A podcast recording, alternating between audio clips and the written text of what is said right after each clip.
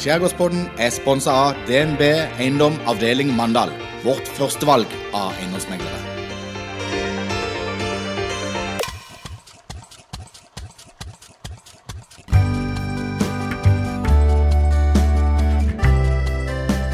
Skjærgårdspodden med Thomsen og Loland. Hei og velkommen til nok en episode av Skjærgårdspodden. med Thomsen og Loland. Å gud, jeg Det er gleder meg. oss, det. Ja, det er oss, det. Ja. Ja, det blir litt sånn kry når jeg hører det. Liksom. Jeg blir introdusert. ja, jeg er Ja, det fantastisk. er som å komme på en scene. Og nå skal vi snart på en scene igjen. Er du klar over det? Ja. Du skal jo på en scene om veldig kort tid til. Ja, ja, ja. Det er juleshow for fulle moger. Men det, det snakker vi eh, s- svært lite om i Skjærgårdspodden. Vil du liksom, er det liksom for å skape distanse mellom de forskjellige tingene du jobber med? Ja, det- Hvorfor, hvorfor er du ikke opptatt av å prate om eh, juleshow med Loland på Mana kafé? Kanskje jeg føler meg overeksponert. Så jeg har tatt på meg noen sånne forskjellige hatter, men uansett hvordan hatt jeg tar på meg, så er det jo en eksponeringshatt. Så det er jo litt sånn Det er det. Men nå er det Det var like, da voldsomt. men det er som like før det braker løs. Det er like Og før. Når folk hører på denne podkasten, så er det nokså sannsynlig at juleshowen allerede er i gang på Mana kafé. Ja, faktisk sant. når denne kommer ut, så er det bare én dag til. Altså, da kan jeg si i morgen. Ja, for de som hører denne i dag. Ja. Og tida i dag. Ja. ja da. Så vi holder på eh, fem helger. Ja da. Mm. Helt, eh, helt nærme, nærme, nærme jul. Vi holder på fem helger, du og Marna. For du, dette er jo enkeltmannsshow, er det ikke? Ja, vi og Marna. Mm. Og så alle dine karakterer. Ja, ja, Lengervik og Stanley, vet du, og alle. Ja, Stanley er fin. Kvinlaugen, og han er fin, vet du. Ja, Så vi, det blir full, full gnio. Og Jan Lengervik har jo en ny sang på gang. ja. Ja, skal du høre litt av han? ja gjerne det. Jeg trives best i åpne landskap. Nærme havet vil jeg bo. Det er sånn helt ny en som er Det høres jo veldig sørlandsk ut. Jeg gjør det ikke det. Men hvis sånn en, eh, et eh, s- streif fra Sverige Å, Nei, nei, det, nei, det det, det er Jan Lengervik. Ja, ja. ja. En original vise fra Lengervik. Det er jo fantastisk. Men det er det tida går til nå. Ja, det er det. Mye av det i tid. Ja, og så Når den tida er over, da, så s- dunker vi på med ekstraforestillinger for Mandal 100 år Ta vel imot! på 100 minutter. Du, det husker jeg veldig godt ifra. Det var, nå fikk jeg nesten frysninger, altså. Ta vel imot! Ja. Endre Thomsen og Jan Erik Loland. Og så var det fullt historieshow. Og nå har 600 sett det, og nå får nesten 400 mulighet til å være med. Ja. De som ikke- Ekstraforestillinger i februar. 24. og 25. februar. 2023. Da kjører vi ekstraforestillinger på mandag 100 år på 100 minutter. Med det samme ensemblet. Ja. Trompetisten Tor Helge Løs, eh, Løseth. ja. Og artist. Gjert Sydroff Valvik. Ja. Og lydtekniker Lars Erik Humborstad. Nå har vi tatt alle Ja. sammen. Ja. Utrolig bra. Det, jeg gleder meg veldig til det. Det var veldig stas. Det er jo første gang jeg egentlig har stått på en ordentlig scene. Hæ? Vært sånn artist. Ja, det er det. Ja, på, I den settingen, ja. Ja, ja, ja det har vært mye absolutt. foredrag og sånn. Det er litt annet. Jo, det er litt annerledes det, altså. Jeg må si det. Det var litt sånn, eh, sånn lagfølelse å gjøre dette sammen. Ja, det var, Jeg syns det, det. det var, det var High ordentlig five på gøy. bakrommet og sånn. Og liksom. Ja, den, ja. I dag så hadde han bra. Ja, altså, ja, sånn, Være medlem av et lag, liksom. Bra publikum. Det var som i gode gamle dager på MK. liksom. Være en del av et team. Ja, og tilbakemeldinger kom jo fra de som har vært der, at å gå inn i gamle Mandal kino, det var en historisk opplevelse i seg sjøl. Mm. Ja. Så det, det ble en bonus. Det ble en bonus. Så eh, vi anbefaler folk å eh, benytte seg av sjansen hvis ikke du var på det forrige showet, eller eh, var av sted, eller ikke fikk plass. Eller har korttidsminne, og vil se det en gang til. Det er absolutt mulig, for det blir jo litt annerledes, faktisk, alt. Det gjør det. Mm. Selvfølgelig gjør det det, for det er live, dette her. Men da kan dere altså ha kontakt med oss, og så fikser vi billetter til dere. Ja. Lett som en plett. Og mens dere gjør det, så skal vi ta og fortelle litt historie.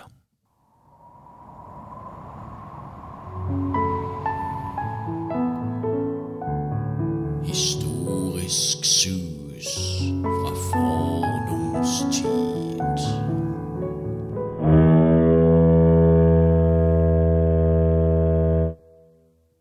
Stjernøya har vært veldig aktuelt Ja. i den siste tida. Vi har jo presentert eh, historien om eh, dynamittskipet, eh, som ikke jeg kjente noe særlig til før jeg fikk lese Stjernøyposten fra 1993, ja. hvor det var Og nå skal vi få mer Ødelig. Skjernøy-stoff. Det er akkurat det vi skal. Så i dag skal vi gjøre noe helt nytt i denne historiespalten. Vi har hyrt inn eh, en eh, historiker Det er jo ikke feil å kalle det for det. Det var litt drøyt sagt, syns jeg. Og det er jo vår kjære, det er jo vår kjære Gerd. Ja. Ja, Som i, hyggelig. tillegg, som i tillegg til å eh, være eh, bosatt på vårt kontor, ikke fullstendig eh, permanent bosatt, men eh, i forhold til jobb, òg er leder av Stjernøya historielag. Ja, Det er jo en gavepakke til Ja. Skjærgårdspodden. Kortreist. Kortreist gavepakke. Ja. Og så har vi gitt eh, Gerd ei utfordring. Vi har sagt at eh, vi vil gjerne ha en historie eh, fra Stjernøya. Du står fritt til å velge blant dine hundrevis av lokalhistorier fra Stjernøya. Og i dag falt vi rett og slett ned på, eller Gerd falt ned på hengebroa. Nokså naturlig, vel. Ja, det er jo det. De fleste mandalitter de forbinder Hvis du skal si tre ord om Stjernøya, og du ikke er fra Stjernøya sjøl, så vil jeg tro hengebroa blir ett av de tre ordene. Tror du ikke det, Loland? Absolutt. Ja. Du må tenke på at da, ja, ca. 100-150 personer går tur over den broa hver eneste helg gjennom året. Det er Såpass, ja. Ja, vi er veldig populært. Og da går man ifra Da parkerer de. Nå håper jeg jo etter hvert at de skal parkere en med kapella. At siden de er- skal ut og gå tur, så kan de parkere en med kapella, syns jeg. Og så går de over Engebroa, og så går de rundt broa, som vi sier. Ja, men hvor er det man parkerer altså, det- For du tenker at hvis jeg parkerer der nede med bårhusene der For der er det jo en veldig nydelig, delikat parkeringsplass som passer veldig bra i forhold til gangavstand til broa. Ja. Da kan man få et litt sånn skråblikk ifra De overbord. vil jo egentlig helst ikke ha parkering opp den bakken. Det er den der berømmelige bakken opp til mot Hengebroa. Ikke vi Akkurat. vil ha parkering. For det, det blir trafikkfarlig. Så nå har kommunen lagt ut en mye større parkeringsplass hen med kapella. Så nå håper vi alle parkerer der borte. Ja. Det er oppfordringen i dag. Men den lille viga der, eh, Ja. jeg synes, hva heter den på, altså på landfastsida? Eh, Er det Valviga, eller er det Ja, nå er det over på den andre sida, ja. Ja, sant, for jeg er Ja. såpass lokalkjent jeg er. Men eh, hva, hva heter er det? Det er jo ikke Dyrstad, for det er jo eh, Nei, du kommer, først så kommer du til Farestad. Farestad, det var det ordet. Ja. Det var det ordet jeg lette etter. Du kommer først til Farestad, så går du opp bakken, og så når du går ned bakken, så kommer du til Ytre Farestad. Ytre Farestad, Og så går du over til Hengebroa, så kommer du til Rosnes. Råsnes, og det er jo det. Da, hvis du skal over til Råsnes, da må du via denne berømmelige hengebroa. Det må du. Og før, og før du begynner å fortelle historien om den hengebroa, så har jeg veldig lyst til å vite det. For jeg husker som barn, når vi var på, på, Stjernø- på besøk til Stjernøya, så var det veldig stas med den hengebroa. Men jeg føler jo at den gyngde mye mer når jeg var barn. Ja, men det gjorde hun. Ja, Gjorde hun det? Ja. For dere snakker med mange, og så sier de nei, det er bare sånn akkurat som det var mye mer snø før i tida. Det er en følelse at ting var så stort. Sommeren var så lang, og alt dette Mm. her.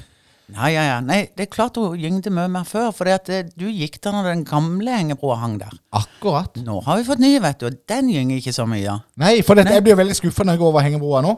Det er ikke Eh, noe fordi- gyng nå. Ingen, eh, du må nesten stå og velte deg med mine 100 kilo for å få litt bevegelse. Men før i tida så følte jeg du må- Og da kunne du virkelig få gynge, jo. Akkurat. Skikkelig. Men nå er jo så brei òg. De kjører jo sånn firhjuling, de som er fastboende, gjør de ikke det? Ja, det er at vi skal få det litt greiere. Ja. Ja, vi Ja, som mi, bor der. sier du. Du bor på Jeg Råsnes. bor jo der. Så du Det er bor sant. faktisk på Råsnes? Ja. Å ja, altså himmel og hav. Her har vi virkelig lokale Snakker kjennskap. vi Ja, ja. tidsvitner? Det er Nydelig å få inn en tidsvitne Ja. til Engebroa. Vokste du opp på Vå- Råsnes? Jeg vokste opp på Råsnes. Så du har eh, rodd fordi det ikke var bro? på et Nei, tids- du Er, ikke, jeg er ikke født før 1953, vet du. Så jeg ble født i 1961, så da var det hengebro, men ikke Stjernøybro. Ah, Broa til Stjernøya var ikke kommet da.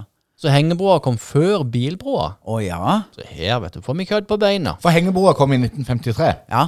Den kom i 1953, og den samla de inn penger til på øya. Og farmora mi hun reiste til USA, for der jobba farfar. Og så samla hun inn penger der, og kom hjem med kåpa full av dollars. Under kåpa. Hun hadde limt dem på innsida av kåpa. Ja, ja. Gikk gjennom tolla der. eh. Ja, ja, ja. Alle dollarsene kom hjem. Ja. Og så var min Hun var far- ikke redd for å bli stoppa, de der, der dollarshundene som står og Det var snuser opp. nok ikke eh, dollarshund i, i 18 pil av bue, tror jeg. Men, eh, men nei da, så da var min far og en del andre der ute som bygde den hengebroa. Ja, de brukte nok litt, de kjøpte brukt materiell, og så fikk de opp denne brua, som betydde enormt mye for de som bodde på Råsnes. For det var jo fastboende før broa òg. Og da var, hvis de der fikk besøk før broa kom, så gikk de ned på noe som ka- de kalte ringodden. Og der var det sånn en ring av jern, og den slo de på. Og da måtte de komme over, ro over, og så hente de som ville på besøk til Rosnes. Ah, kult. Og det, da rodde de over til den plassen som just er fiksa opp nå. Det er Akkurat som en Ja, sånn nei, offentlig den- kai. Ah. Den, de rodde rett over sundet. Ja, eh, Ja, ja. Nærmere eh, ytre fas, da. Ja. Mm. så der slo de på ringen. Og Men da hvorfor kom dro de. farmor til USA? Var det, fordi at, eller var det mange utvandra Stjernøy-folk? som Var det, var det lettere å hente, hente pengene der? Ja, altså min farfar jobba der. Ah. Og, og min eh, tante og onkel flytta jo eh, En del av de flytta over til min farfar. Og så re- var hun på besøk av og til og besøkte han der farfar. Han hadde litt penger, kanskje. Han flår ja. Ja, men, men det var jo mange Flårlegger. Det var jo mange både stjernefolk og mandalitter fra som var eh, emigrerte over. ja. Så eh, søsken, pappa de var en søskenflokk på åtte, og fire av de flytta faktisk alt over. Å ja. Men når du vokste opp, da, så Ja. ble du godt kjent med hengebroa. Ja. Når han gyngde skikkelig. Var det noen sånn, Kan du huske fra barndommen at det var liksom folk som datt av den broa? Sånn? Måtte man holde seg godt fast og sånn? Jeg tror aldri det var noen som datt av. Vi hoppa jo fra hengebroa, det, det må jo alle gjøre. Og det er jo Altså, nokså høyt. Åtte meter? Og det er ikke mer, nei. Nei, Jeg føler jo det Kanskje det er som Jeg barndomsminne. at syns er så det høyt. er høyt, det, altså. syns du det? Ja. Jo, men det er må ikke alle, farlig. alle på Stø- Stjerneøya må hoppe fra den hengebroa hvis de skal kalles ungdom, altså. Ja, det er det er sant. litt sånn opptaksprøve til Ja, ja. ungdomstida. Ja. Men den første broa, var det bare sånn typisk tau? Nei, det var jo Den var jo ca. ei trillebårbredde. Altså ei- var liv ikke brei som brei- ei trillebår. Han var ikke bredere enn det, Nei. ja. Ah. 60, tenker jeg hun var. Så man Noen og gikk 60. bak hverandre over, liksom? Å ja, ja, da måtte du stå i kø. Altså Kom det Ja. en med trillebår på den ene sida, og du kom med ei trillebår, så venta vi alltid på hverandre. Vi kunne ikke passere. Nei. Nei, nei, nei. Så den, Men jeg den har var hørt at smart. Stjernøy-folk de er litt sta. Var det sånn Fleksnes-opplegg, da? At når du møtte hverandre midt på broa, da, så var det liksom om å gjøre Hvem er lengst eh, Hvem på skal vei? rygge? Hvem skal rygge? Nei, det tror jeg du finner bare på Stjernøybroa. Ja, det er på Stjernøybroa. Stjernøybroa er det. Ja. Å, ja, ja, ja, er du gal? Det er jo, og Spesielt hvis det kommer noen med tilhenger og båthenger og sånn. Jo, men jeg har jo hørt at eh, fra disse her eh, Dyrstad-brødrene, som er nokså eh, lokalpatrioter Mm. De mener jo at man må være komplett idiot hvis ikke man klarer å få eh, to biler eh, ved siden av Kan hverandre. møtes, ja. Ja, men det går fint. To biler møtes fint. Men hvis Ikke det to kom- trailere. Nei, ikke to trailere. Ikke buss og bil går veldig dårlig. Og bobiler går veldig dårlig. Da kan du like å begynne å rygge med en gang. Ja, akkurat. Ja, Da kan du bare gi deg. For det Men den første broa ja. Så da er vi tilbake til altså. Råsnesbroa. Nå Ja, snakker nå om må vi på Stjernøybroa. Rosnes, hengebroa. Ja, Eh, Den hengebroa. ble jo litt sliten etter hvert. Det gjorde hun. Men Så hvordan vurderer man at nå er hun for sliten? Altså, det, altså selv om hun ble kjøpt og betalt privat, så var det jo kommunen som overtok. Å ja. Så det var jo kom kommunalbrua. Da kommer det inn sånne noen inspektører som skal se om de, dette er bra. Og så eh, fant de vel ut at nå hadde hun eh, Altså, i storm så kunne hun finne på å hoppe ut av festene og så s- vri seg. ja. Og da er det litt dumt å være på. Men jeg tror aldri det var noen på dammen. Så eh, det som skjedde, det var det at eh, disse her inspektørene fant ut at nå var hun for dårlig til å bruke. Så eh, var det en som bor der over, som kom over et sånn et eh, Ja, hva skal jeg si u- Utredning på at nå må de gjøre noe med broa. Og da ønska de, i forbindelse med budsjettbehandlinga til bystyret, så ønska de å renovere broa, men de ville ikke ta ned de der store sementtårn- sementtårnene på toppen. Altså ved siden av. Så de ville ha broa 60 i innkjøring, og så ville de ha ei brei bo etterpå. Men det ville jo ikke hjelpe noe for oss. Altså, Da kunne ikke vi kjøre på med firehjuling. Nei, nei, nei. Altså, ikke Da sant? får du bare en flaskehals på den da ene får du, siden. fikk du en flaskehals på begge sider, og så Ja. fikk du ei brei bo. Da s- fant Gerd ut, eller da fikk hun beskjed fra alle de som bodde på Åsnes, at nå må du gjøre noe, Gerd. Ja. Så da Hvem, tok du snakker om deg sjøl i tredjeperson? altså. Ja, Ja. jeg gjør det. Ofte. Jeg visste ikke om det var flere som heter Nei, Gerd. ingen. Nå må du gjøre noe, sa de. Ja, Skjerp deg. Finn. Og da måtte jeg rundt til alle poli- de politiske partiene og hei, skrive med mail og rundt. Og heldigvis for oss, og jeg var i behandling når den, dette her budsjettet skulle behandles, så gikk bystyret inn for å lage helt ny bro. Det var, er vi utrolig takknemlige for. Ja. Men i det arbeidet der, hva måtte det, for det, det tok veldig tid. Ja, det var i mars 2011. Altså vinteren 2011. Måtte dere tilbake til roing, da? Da måtte jeg tilbake til roing, for alle, de fleste andre de flytta fra Åsnes når de skulle renovere broa. Ja. Men De to ikke i gjorde- Gerd. Gerd ble værende. og Gerd sin- ble værende last- sammen med ved sin sin last. gamle mor. Ja. Min gamle mor bodde der. Ja. Og så tenkte jeg det at eh, nei, altså greide de det før, så skal jeg, skal jeg jo greie det. Ja. Så da ble jeg, er det sånn at jeg rodde ikke, men jeg tok på hengsen. Men det var jo vinter, og det ble is, så de måtte kjøre råk til meg hver, hver morgen. Å ja, måtte bjørnen ut? Altså, rett og Ja, nei, de slett. hadde sånn den der eh, De som hadde eh, den renoveringa, de hadde sånn lekter, lekter, som de kom, ja. Ja, ja, Lekter ja. som kom. Og brøyd opp isen? Og brøyd opp isen. Ja, ja, ja. Og vi kunne jo ikke gå på den, for det at, ikke sant? de kjørte jo hver dag, så det ble jo usikkert. Så eh, da var det det. Og så opp- Utrolig ble det. fascinerende. altså. Så ble den åpnet av nå avdøde Håkon Karlsen. Ja. Det var veldig stas. Håkon Karlsen? Ja, han åpna broa Men, Mm. offisielt. men hvem er Håkon Karlsen? Håkon Karlsen er jo han som jobba ute på Ryvingen fyr der. Å, ja. Ja, ja, ja, ja, ja. Ja. Mange år. Sammen med min far, som var da fyrmester på Ryvingen fyr. Og var det i en, eh, over- var det en far fyrvokter? På? Ja, Jøsses, Først fyrvokter, så fyrmester. akkurat. Men, hvorfor, men du er ikke født og oppvokst på Ryvingen, da? Nei, nei, nei. nei, nei. For da hadde du hatt sånn Ryvingen-dialekt. Og jeg kjenner Ja. jo ei som har det. Ellie Aas. Hun bodde Ja, jo mange år der. Det gjorde hun. Ja, Ja. og Hun var bestevenninne med min avdøde mormor. Og det var veldig eh, artig å sitte og høre på L.I.Å. som fortalte om eh, det å være oppvokst på et fyr. For det, du, de fikk jo sånn helt spesielle fyr, eh, sånn, eh, sånn bokmåldialekt. Ja. Unik for eh, fyrbarn. Å. For de hadde jo De fikk jo eh, eh, De sånn pratet skole- meget pent og slikt. Ja, de, gjorde, de hadde Ja. sånn en bokmåldialekt som var helt spesiell. ja, de hadde vel lærere fra andre steder. Mm. De hadde det. Så Ja, men utvikla de sin samtidig- eget, eh, en egen dialekt, da. Det var ikke sånn togelurdialekt. Hallo! Så går det med deg?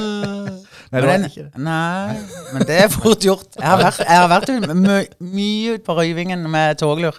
Men tilbake til Ja, Hengebroa. til Hengebroa. Flytta de hjem igjen? Råsnesfolket. Så- Alle flytta hjem igjen. Og s- jeg lovte da eh, Hvis jeg fikk ny bro, så lovte politikerne at det skulle komme flere folk og bosette seg på, eh, bosette seg på Ros, Rosnes. Ja. Og det gjorde det. Og det Min dat- gjorde det? Ja, min datter har bygd der. Du trua din datter til å flytte Ja, inn på Åsen? selvfølgelig gjorde jeg det. Du har bare én plass. Men er det, et, er det, et det, fin, det finnes ikke fritidseiendommer på Rosnes? Jo, hvis det er da ikke fritidseiendom. Hvis du Altså, hvis Sentrum av Åsnes, så er det flere, faktisk. Ja. Når du går gjennom sentrum av Åsnes, altså som er ca. 150 meter til venstre etter broa, så ligger det jo faktisk eh, noen er fastbeboende. Jeg kjenner jo en ene som bor der. Jeg var jo ansatt Ja. under han, eh, under eh, ærverdig god gamle puben. ja. Eh, Men ved siden av der, altså før ha- du kommer til han, så er det jo flere fritidsboliger. Altså folk som Ja, eh, to stykk. Ja, ja, det er jo flere. Ikke mer. Ja, men Nei, mer- nei, to. nei, nei. Ok, Jeg bare flere. tenker at eh, det, det, det her med boplikt Jo, men Det har hvis du vært en sånn arver diskusjon der ute. Hvis du arver Altså hvis på en måte ikke jeg hadde flytta over Flyttet hjem igjen og tatt over gården, kystgården vår, Mm. så kunne jo jeg på en måte ha arva det stedet. Og da hadde jeg ikke boplikten blitt trett inn. Men den trer inn når du selger det ut av Yes, familien. Og da skjer, kommer boplikten. Men så er det noen Men det vil hytter. ikke du utnytte der. For dette, du er jo stjernejente, så dette du overto... Altså, du eh, bor fastboende på Rosnes. Ja, jeg skal bo der, men jeg, ja, jeg skal bo der en stund. Ja, det er fantastisk. Men hvis du går over broa mot Rosnes og så til høyre, så er det noen reine hytter. Ja, så kommer det rene hytter, som er utover til høyre. Og Da er du, det- da er det du blir ikke i jo da- sentrum lenger. Da blir jo da argumentet for de som vil ha huset sitt på Rosnes som fritidsbolig, at det er jo hytte på andre sida. Nei, men det holder ikke. Nei. Nei, du kan De er strenge på dette. De Ja, kommer ikke dette- til å kom løs- ikke her og tull nå med boplikten på Rosnes. Nei, for hvis den forsvinner, så er plutselig huset ditt verdt 15 millioner. For da er det jo ei hytte. Helt Ja, men selv. dette handler jo ikke om penger, Jon Erik. Og så Nei, er men det- nå, vi må jo innom de som er glad i penger òg. Selvfølgelig, Ja, jeg skjønner. Alle må få lov å være med. Men du, nå snakker du om bydelen til Rosnes. Altså på høyre side av Hengebroa. Det er jo som et slags tettsted til Rosnes. Rosnes sentrum på venstre side. Ja, ja, jeg snakker om Høyre nå. Det Ja, ligger ja, ja. Mm. noen hytter der, og at de som Ja. bor i, i byen, da, som du kaller det, kunne bruke det som argument mot kommunen. At dette her er et hyttested, det er et fritidssted. Mm. Ja. Her må jeg få lov til å gjøre huset mitt om til hytte. Så når Gerd trenger et eh, rekreasjonssted, så kan hun bygge ei hytte på eh, Nei, gjør om Tettstedet bolig, er ha, rått. hyt, ha huset som eh, Følg Da med, må da. jeg, da må jeg jo Greit, jeg skal prøve. De flytter jo inn til byen, for de orker ikke å bo der. Og så da, men da får de jo boplikt, så de får ikke Ja, lov til å jeg skjønner hva gjøre du det. mener. Jo, men du Jeg skjønner kan hva du jo gjøre det. Altså, Du kan bo begge steder. Du kan flytte inn til byen som på vinteren når du blir gammel. ikke sant? For det er jo tungvint å bo på Rosnes når du begynner Halve dra, året. dra opp i årene. ikke sant? Rullator og Mm. sånn over hengebroa i stiv kuling fra nordøst. Det er ikke bare bare. Så det er litt sånn som når Mandalitte velger å flytte til Spania, så velger Ja. Rosnes-folket å flytte til Mandal. Ja. Ja. Og så- Halvt år. Halvt år. Og så, så, så sier vi sånn som vi, mine barnebarn sier, som jeg har ved siden av meg. Så, sier, vi bor jo på en ferieplass, mormor, sier de. Ja. Og det gjør vi Det jo. er jo veldig sant. De skjønner det helt fra små barns Ja, ja, ja, ja. Men det er jo kjempefint å bo der, vet du. Ja, det er se- ikke en bil i Må Og være så- ingenting. Bare helt stille og rolig. Sjarmerende plass, altså. Men før Rosnesbroa kom, så måtte altså de mor De måtte ro over til eh, fastland. Eller det var ikke fastland det heller, for det var ikke Skjermøybro. Og så måtte de ro over derifra igjen til fastland. Ja, altså da, Først så måtte jeg ro. Altså Hvis de skulle på butikken, da, så rodde jo mamma da eh, Da gikk jo ikke den veien der som, på Rosne som man går nå. Da gikk de bare rett ifra gangdøra, så rett ut på brygga. Og så gikk du i prammen, og så rodde du til butikken. Så- På Skjernøya. Ja. Men f, eh, f, eh, Oss. altså før 1953, da. ja. Og så Hvis du skulle til Mandal. tok du ferja. Ja, for, da var det, for da var det rundt hele skiten. Altså Der hjelper det jo ikke mye å ro, å ro til Farestad. Nei. For da må du jo ro videre derifra igjen. Ja, ja, nei, men da tok du ferja. Det var jo ferja. Ja, ja. som gikk. Eller så tok de jo båten. Alle hadde jo båt. Så, eh, og da var det inn til byen, og da var det jo også i pen dress. Det må du huske, vet Og da du. skjønner jeg jo veldig godt no- noen av disse tidsvitnene vi har snakka med, sånn som eh, eh, hun eh, godeste fru Valvik. Ja, Mammaen til båtbygger Valvik. ja. Når hun forteller om at det var store avstander fra Skjernøya til Mandal, Og ja, det så var, forstår en jo hvorfor. Når ikke det var noe fastland mellom Skjernøy og Mandal. Ja, ja, ja, nei, det var, det var Da skifta de klær. Mm. Da skulle de til Da var det byklær. Så da var de inne og levere, vet du. Da var det jo liksom De skulle inn og levere laks, eller de skulle inn og levere hummer, eller noe sånt. Og min far, eh, de fiska jo alltid laks. Så det at når, når han skulle inn og levere på laget, da, så var det hjem og skifte i, til dress og slips, og så så fortalte min mor en gang, så fant de ut at nei, de skulle gå ut, for han hadde laksenota ut med Oddeknoben, eller ut med Odd. Så skulle han ta en svik, sving ut før han kjørte inn til byen med laksen. Og der var det jo laksenota. Og han over ripa, ikke sant. Og de, lå jo, de hadde jo store trebåter. Og slips i vann, og alt i vann. Men laksen skulle opp, for den skulle leveres. Det var viktig i den tida. I dress og slips. I dress og slips. Ja, ja. Inn Det er jo til byen. fantastisk. Ja, ja. Men til slutt så vil jeg bare spørre, eh, for et på et eller annet tidspunkt så fikk alle de som bor på Rosnes, en garasje på Skjernøya. ja, vi måtte jo ha et sted å ha bil. Ja, for det, da kom Men vi fikk ikke, vi bygde. Ja, det var jo sånn at de måtte gå sammen og spleise, og så nå kjøper, Ja, ja, ja. kjøper vi den tomta, så bygger vi en garasje til hver. Ja. Det er jo gøy, da. Mm. Samarbeid. Det har vært veldig mye samarbeid, og det var det jo på alle. Altså, vi kaller jo Rosnes er jo én gård, ikke sant? Og Farstad er én gård, Yderfarstad er én gård. Og der er, så er det Berga, og så er det Stjernesund. Ja, For det og så heter er ikke Berge. Det heter Berge. Berga. Ja, nå ble jeg litt usikker. Nei, det er Berge. Det er sånn- Berge, sier jeg. Ja, ja, ja. ja, det hører jeg, men det kommer helt genuint. Ja, det kommer helt sånn. Det er akkurat som Stjerneøya. Og Dyrstad er en gård. Og Valviga, ja. Og Valvika. Ja. Så, så sånn er det jo. Og alle, de- i alle fall Rosnes og Ydre Farstad og Farstad, de har jo egne sånn slipp og egne Masse sånn samarbeid. De hadde jo alltid en sånn korn... Uh, treskemaskin. Å, Det som har de de jo. spleiser sånn. Hver på. gård hadde sin treskemaskin. Ja, ja, ja. Så det er mye samar- var veldig mye samarbeid, og det var jo naturlig. Ikke sant? De bodde jo på et litt sånn forblåst sted, så de måtte jo samarbeide skulle de overleve der. ja, ja, selvfølgelig. Mm. Og så kom Oddvar Jensen og satte Stjernøya på norgeskartet. men Han var med i Farmen. Han var med i Farmen. Så da var dere stolte, tenker jeg. Ja, ja, ja, det er jo familien min, så det skulle jo bare mangle. Ja. Må jo Også- det, da. Jeg er jo også kommer jeg- programforplikta. Og så kommer Jan, Jan Lengervig. Og så, jeg så på- Jan Lengervig har jo pig med. Hvor mange avspillinger er det på Spotify på den der Oddvar Jensen? sånn. Og det er det gøyeste jeg vet, å spille den for folk som lurer på hvor jeg bor. Og der går de på Rosnesbroa. ja, stemmer det. Og dette er ikke siste gangen vi skal snakke om Stjernøya i denne podkasten. Det er jeg helt sikker på. Tusen takk for at du kom til historiespalten. Og eh, Bare hyggelig. hva heter det for noe? Eh, Revitaliserte spalten. Med Ja. å få et eh, sånn blikk utenfra og inn. Ja, Det setter vi veldig pris på. koselig. Vi gleder oss til neste gang allerede. Da tror jeg vi kanskje vi skal snakke om butikken eller et eller annet. Vi var innom det så vidt. Ja, må Ja, det er vi altså, gjøre. vi kan snakke om masse. Vi kan Mye å snakke om prate om. høgevarene òg. Høgevaren.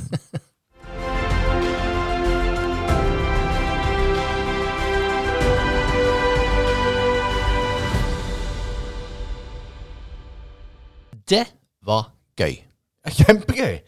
Det er, Ja. sånn, eh, det er jo liksom tabru, eh, Det er litt sånn eh, handle lokalt.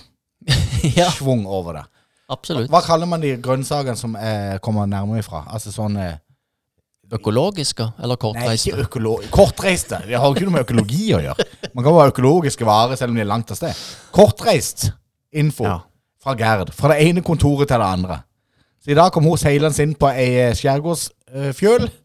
og servert eh, den vakre historien om hengebroa. Det ble mye eh, all slags i den historien. Vi eh, fokuserte på he- hengebroa. Men eh, der får man jo så mye krydder ifra.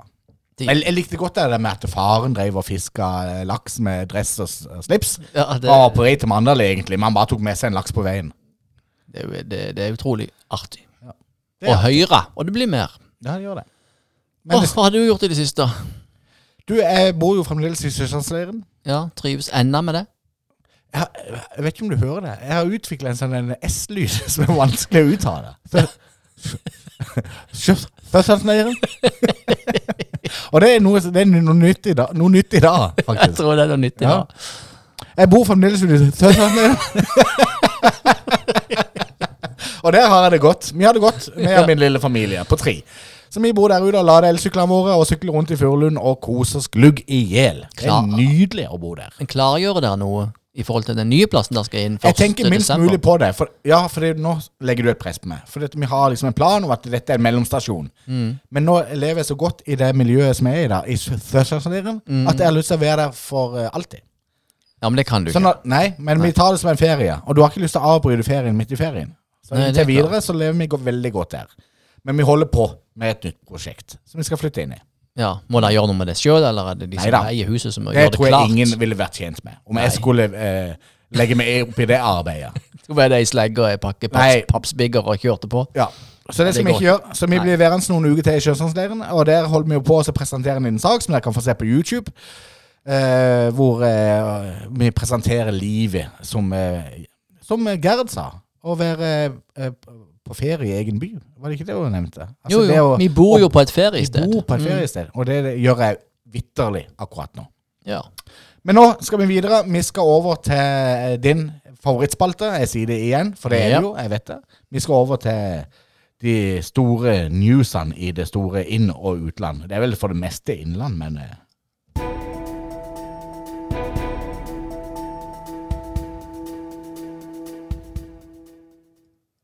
Vær så god, Jon Erik Loland. kjører Presenter på. dine lokale nyheter. ja, jeg er jo litt opptatt av den nye veien. Eh, og det kommer til å være i mange, mange år etter at den er tatt i bruk. Eh, den er nok åpna nå. Eh, det som skjedde da Jeg snakka i forrige episode om at de, det var masse folk som var på for å se på den nye veien. Ja, stemmer det. De, hadde, eh, eh, de ble frakta med buss inn på Ja. veiområdet. Ja, 1000 mennesker. ja, det er Og da fikk jo Frivillighetssentralen blod på tann. Ok? Så skal, skal jeg hylle de. Ja. du vil jo helst ikke gjøre det. De tok med seg 115 mennesk, Ja. eh, eldre folk. Ok. sant? Eh, Livsglede for eldre. Det var Ja. jo de som sto bak dette. Jeg vet ikke om de har noe med Frivillighetssentralen å gjøre. Det har jeg kanskje ikke. det. Det er kanskje det er samme greia. Jeg vet ikke. Mhm. Livsglede for eldre. Ja da, det er en fin gjeng som stiller opp. Tar med seg 115 pensjonister på tur eh, til ny E39 for å kikke. Og de stoppa på Knuten, som ble bygd i 1922. Og nå åpner den nye veien i 2022, altså 100 år siden Knuten var i bruk. Og de ble bygd. Så stopper de på den nye broa. Den heter jo Tryssfjordbrua, gjør den ikke det? Jo. Og der fikk de kaffe og kringle. Og, og det, det er jo på Det må du ha. Det er pålagt når du tar med deg eldre folk i, bu- i buss på sånn tur. Og da sto de der og kikka utover Trygsfjorden og kunne konstatere at dette var mer som et eventyr. Ok. Ja. ja, det er jo fint. For en Jeg syns det var en gladsak. Ja, Han det er kom- jo en gladsak. Han kom fra Lindesnes avis. glede. Ja. Og det er jo som hånd i hanske til Foreningen Livsglede for eldre, som er ute etter glad- glade ting. Ja. Der- Derav ordet livsglede. Ja. Ja. Ja. Fot i hose. Hytt og pine. Ja. Din sak. Ja, eh, nå skal jeg ta en sak som kom litt sånn brått på, fordi at jeg fikk en eh, melding fra en eh, ivrig lytter eh, som sa dere må se på eh, dere må se østover når det gjelder nyhetssaker. Og hvilken avis tror du han sikter til? N247. Du har helt fullstendig rett. Ja. Der har vi kikka mange ganger. Ja, og den dette er veien. første gang jeg skal presentere en sak fra N247, eller N247. som du- Eh, To- 247, som vi sa. Og eh, det er en eh, sak med tittelen 'Jo, det er lov'. Visste jeg ikke det. Ja, og det, man blir nysgjerrig. Det, som- det som eh, forundrer meg litt eh, så umiddelbart, det er at det ikke er en plussak. For med den tittelen Ah. Jo, det er lov. Det er jo en klikksak. Det er definitivt en klikk- klikk- klikksak. Men, men jeg får lov til å gå rett inn på den uten å betale noe abonnement til N247, Åh. N247 eller N247. Happy days! Og det handler om et skilt eh, hvor det står at det er ulovlig å kjøre til venstre. Du har en tendens til å ramle inn i sånne skiltsaker. Ja. og nå har N247 fått tilbakemelding eh, De har fått mm, flere henvendelser, står det i artikkelen.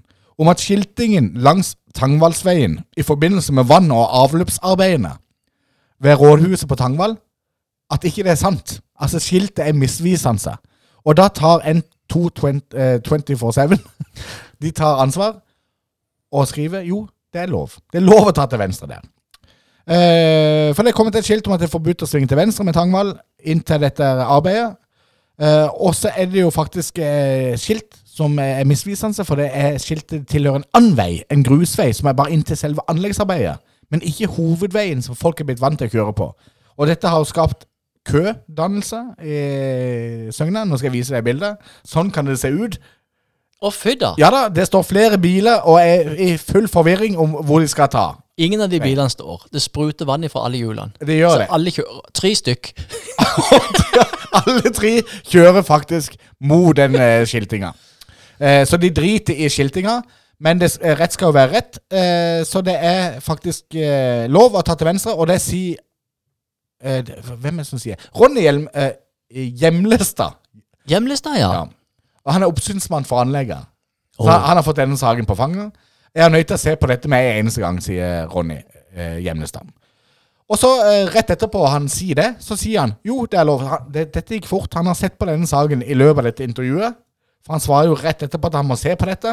At det, jo, det er lov å ta til venstre når du kommer vestfra og skal til venstre på Hølleveien.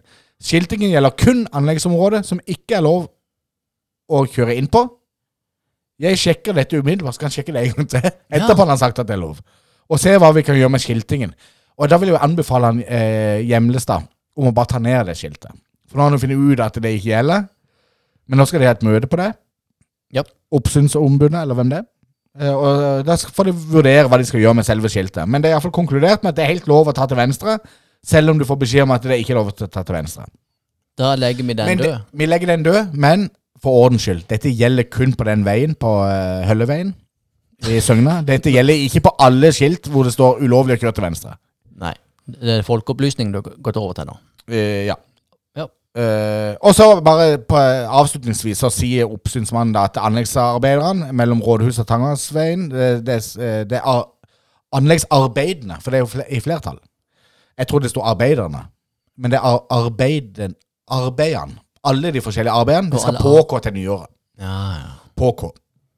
Til nyåret. På K. Ja, men da legger vi den saken død. Så hvis du kommer på vei til Tangvall og ikke får lov til å kjøre til venstre, bare gjør det likevel. Ja. Og da skal jeg eh, bru- benytte anledningen til å hylle noen. Selv om vi ikke er hjerte-til-hjerte-saken. Ja. Og selv om du er imot å hylle Du klarte Ja. jo til og med disse frivilligsentralene på et tidspunkt. Jeg hadde lyst til å gi- sende de en hyllest. Skal vi ikke rippe opp i det? Andrine Rafos fra Konsmo. Hun er 18 år. Nå vet jeg hva vi skal inn på. Jeg kjenner igjen navnet med en gang. Hun fascinerer meg. Jeg har veldig lyst til å ha henne som gjest her i Skjærgårdspodden, for vi snakker om motocross. Vi snakker om motocross. Hun er eh, kåra til årets bilsportutøver. Kvinnelige. Det er sinnssykt. Det er helt sjukt. Er ikke det på nivå med Frode Holte i 2006? Jo, jo. Og på toppen av det hele så får hun Norges idrettsforbunds vandrepokal for kvinner. Ja. Hæ? Hæ? Driver med rallycross. Vanvittig kult. Det, det, Hvem er er, det som det er leverer typisk saken? sånn en sak som eh, Det er Lavis. Det har Lavis. stått i flere aviser. da. Eller Lyngdal Avis er det vel. Å, de kalles for Lavis på folkemunne. Det er på nett, tror jeg. Lavis.no. Men denne jenta Andrine, hun er fra Byrmo? Fra Konsmo. Konsmo? Mhm. Men tilhører ikke de Lindesnes? Nei, det, de tilhører kanskje Ja, det Lyngdal. var noen sammenslåinger og noe greier. Ja, ja, ja.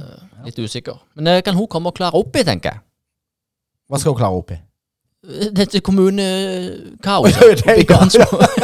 Samtidig som hun forteller om eh, hva hun har fått. Hva er hun fått til? Vi inviterer henne kun i ens ærend at Andrine, Mo- altså å, eh, årets kvinnelige motorsportutøver, kan komme og forklare oss hva som skjer med kommunesammenslåinga i Konsmo. Der føler jeg at vi bør òg invitere henne til en prat om dette her, eh, den prisen vår. Ja, jeg syns det. Jeg var inn, så vidt innom Instagram-sida hennes, og hun til bare 18 år. Mm. Utrolig flink. Eh, takker folk og eh, Mm. ønsker de velkommen til sponsormøte, og takker for alle som møtte opp, og til all støtte hun har fått. Ja. Veldig veldig eh, flink eh, voksen ung jente som gjør det særlig godt. dødskul. En stor applaus til Andrine, tenker jeg. Er det, er det ikke sånn? Det er sånn man som gjør det, Thomsen. Det er sånn man sier Med det. en stor applaus. Ja, jeg har faktisk tenkt å eh, gjøre sånn. Ah, Det er fiffig. Jeg har en sak til, ja. hvis jeg får lov til å ta den. Hvis det er greit for det. ja, det er helt på nippet, for nå nærmer vi oss slutten. her, Jeg vet men jeg gjør det, men jeg har lyst til å ta opp en sak som eh, gjelder eh, flere avismedier, som har eh, hatt fokus på en spesiell sak. Det er jo eh, Bernt Hulsker, Ja. som er dømt eh, til betinga fengsel og en eh, nokså klekkelig bot for å ha eh, oppført seg rasistisk mot en syrisk dørvakt i Oslo under et julebord i 2001. ja. 2001? Nei, 2021, beklager. Ja. Ja, jeg glemte Jeg gjorde om eh, totall til et nulltall. Ja. I 2021. Og så eh, Det som jeg bet meg merke i det intervjuet, da, eh, og det greier jeg ikke å få helt eh, ut av hodet, og det, det får meg til å trekke litt på smilebåndet. Det er jo selvsagt en alvorlig sak for denne syriske dørvakten, men jeg har konkludert for mitt vedkommende så er ikke Bernt Hulsker en rasist, og det er derfor jeg klarer å smile litt av noe av det som skjedde den kvelden. For jeg leste nemlig et intervju eh, hvor de hadde referert fra rettspapirene, og det som blant annet denne syriske dørvakten og òg eh, puben og utestedet og noen av gjestene hadde reagert på, det var det at denne sketsjen som Bernt Hulsker eh, valgte å utøve denne kvelden, den dro han litt vel langt. Han kjørte den om igjen og om igjen og om igjen. Og det er jo eh, kanskje en av verdenshistorien Verdenshistoriens gøyeste sketsjer. Det er jo John Cleese. John Cleese som tuller litt med nazistene av Tyskland, eh, og hvor eh, ordene 'Don't mention the war', 'Don't you mention the war' går om igjen om igjen. om igjen. Veldig fokusert på det, sier det tyske mennesket med et bord, og så blir han veldig opptatt av at han må, nå må han ikke snakke om krigen, og så ender det opp med at selvfølgelig snakker han om krigen, og han drar det så langt at han etterligner Adolf Hitler, som labber rundt i restauranten, mens han roper 'Don't you mention the war'. og, og jeg ser for meg hvordan Bernt Hulsker har labba rundt på denne restauranten og prøvd å overbevise disse 22 år gamle gjestene. At dette er en kjempegøy At dette er en gøy sketsj. Fra 80-tallet, Ja. 90-tallet. Og de aner jo ikke hva som foregår, annet enn at det er en steingal, veldig profilert TV-mann som går rundt og gjør nazihilsener inne i restauranten. ja. Og jeg syns jo det På, er gøy, da. på spøk. Jo, Det er jo på spøk. hele men jeg greia. syns jo det, eh, det er ikke, så- eh, jeg sy- eh, Jeg syns det bildet at det skjer, at han prøver å overbevise en forsamling ja, som ja. føler seg Jeg støtt. var- hadde om at jeg det er sittet gøy. på den puben og sett eh, en kjendis komme inn på, eh, på denne voldsomme måten, så var jeg, det hadde jeg ledd. Jeg hadde det. Men eh, til slutt så gikk det jo da utover en eh, dørvakt som eh, fikk det- slengt et ord etter seg som ikke er akseptabelt i Norges land. og Definitivt. rike. Og Bernt Hulsker har fått sin straff, og vel så det. Føler nå jeg. Ja, ja. Og tatt den, og bøyd seg i støvet og sagt unnskyld. Hipp hurra. Ja, det er greit. Men det var min eh, siste nyhet for i dag. Har du flere på hjertet, eller er det sånn at vi skal bare kjøre ut? Vi kjører ut.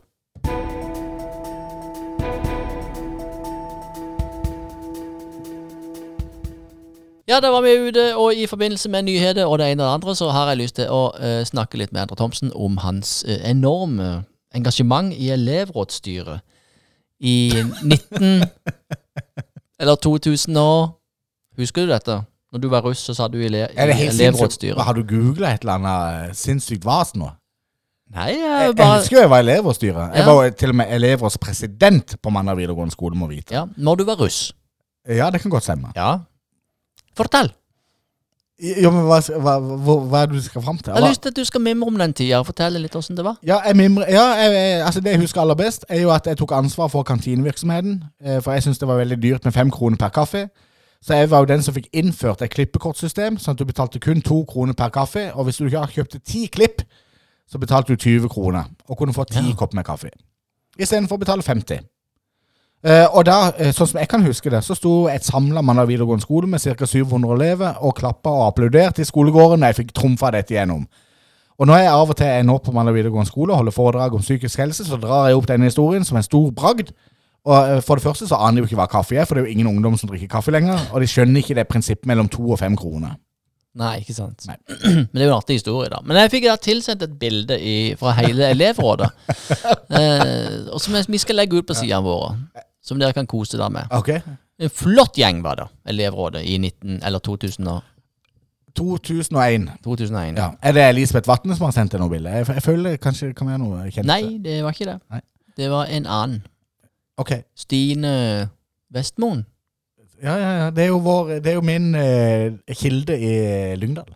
Ja. Til Lyngdalsavisen. Riktig.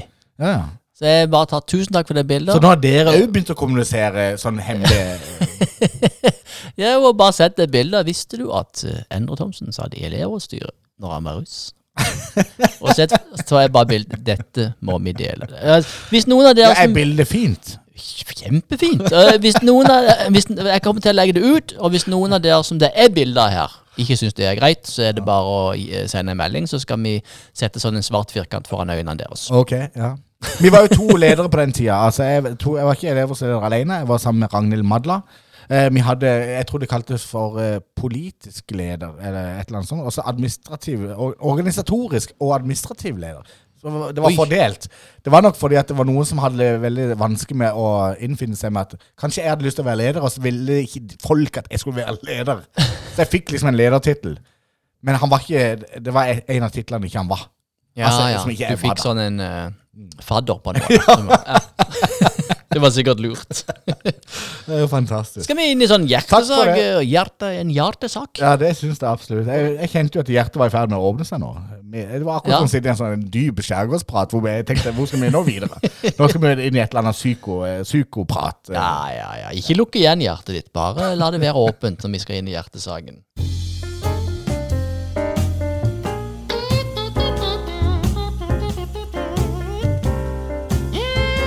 Hva har du på hjertet?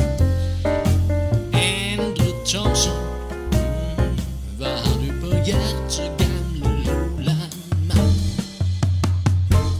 Ja. Mm. Ja, hjer- ja. Lukk opp din hjertedør, og slipp solen inn. Ja, men du, må, du må dra mer på hvis du skal være Sputnik. Ly Altså, Ja, ja, ja. Nei, jeg, jeg bare ville at du skulle med eh, komme med telemarksdialekten. Nei, Jeg kan ikke. Lever den ene av Sputniken? Jeg tror det. Ja. Den den eh, kanonen, eller raketten, eh, den har gått ned. Men lever Ronald? Ronald. Ronald 1, 2, 3, 4, 5 opp til 29. De har kassettene. Husker du ikke kassettene på Skallefest? Å, Roland! Ja. Roland Utbult. Utbult? Heter han ikke det? Hvor er det fra? Det tror jeg bare det var det første som dukket opp i hodet mitt. Ronald Utbult. Det er en tegneseriefigur som dere har drevet og drodla om. Ronald var jo en artist. Ja. Og så orka han ikke å kalle albumene sine for noe annet enn Ronald 1, 2 til 29. Å, ja, det, ja. Ronald 26. det gjorde Sputnik òg. Sputnik 1, Ja. 2, 3, 4, 5, 6. Ja, ja. Norges mestselgende artist. Ja, Sånn er det. ja. Lykk opp din hjertedør! Å, Men vi er solen! hjerte- Sånn, Nå kom han. Der var du. Jeg sa det litt langt Der ned, var du. ja. Ja. Eh, nå er vi kommet til hjertespalten. og Jeg skjønner at du har mye på hjertet. Jeg har Hva- ingenting. Du har ikke noe hjertesak. Nei. Ikke jeg heller. Nei, men da kjør. Da ta, ta en for top of your head. Ja. Eh, 3, 2, 1, kjør. ehm, ja, det første som melder meg, er et eller annet Jeg har lyst lyst til å prate om noe, øh, noe, noe psykisk. Ja, ja, vær så god. Jeg var på seminar i går. Ja. sammen med en fantastisk gøy eh, eh, sånn psykolog. Jeg, tror, jeg skal være helt ærlig, jeg håper ikke han hører på nå.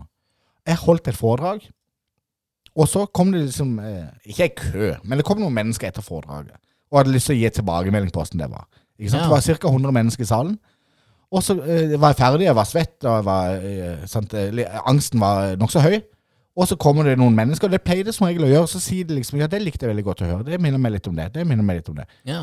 Og så der, da, eh, iblant, så sto det en kar som het Andreas. Som begynte å prate med et eller annet jeg, jeg fikk, det- eh, Det hang ikke på greip, spør du meg.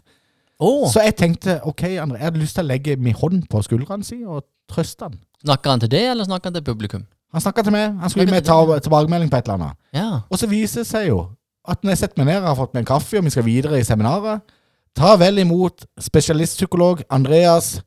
Ah, Så var det jo han fyren, så skulle han holde et innlegg. Han var jo sånn psykoanalytiker. ja. En av de største i Norge på et eller annet sånn psykofelt. Eh, Du, sy- du syns bare synd på han? Jeg syns bare synd på han. Jeg hadde lyst til å trøste han. Fordi at jeg, han s- prøvde å komme fram til et eller annet. Men, ut, men så kom han med et budskap da, om traumbes, eh, traumebevisst omsorg. Og det å jobbe med mennesker med eh, sterke psyko... Eh, altså mennesker som har sterke psykiske lidelser. Og gjerne kroniske psy- psykoser. Altså, sånn ty altså det, de drøyeste av de drøyeste pasientene du kan tenke deg å komme over, det har jo han vært en eh, hva heter det for noe, en pioner i forhold til å jobbe med.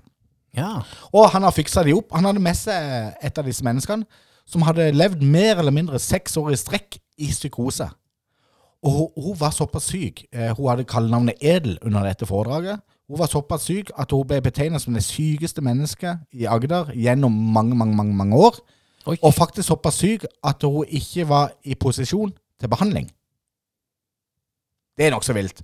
At staten Norge sier 'dette mennesket kan vi ikke behandle' ja. var ikke tilgjengelig for behandling.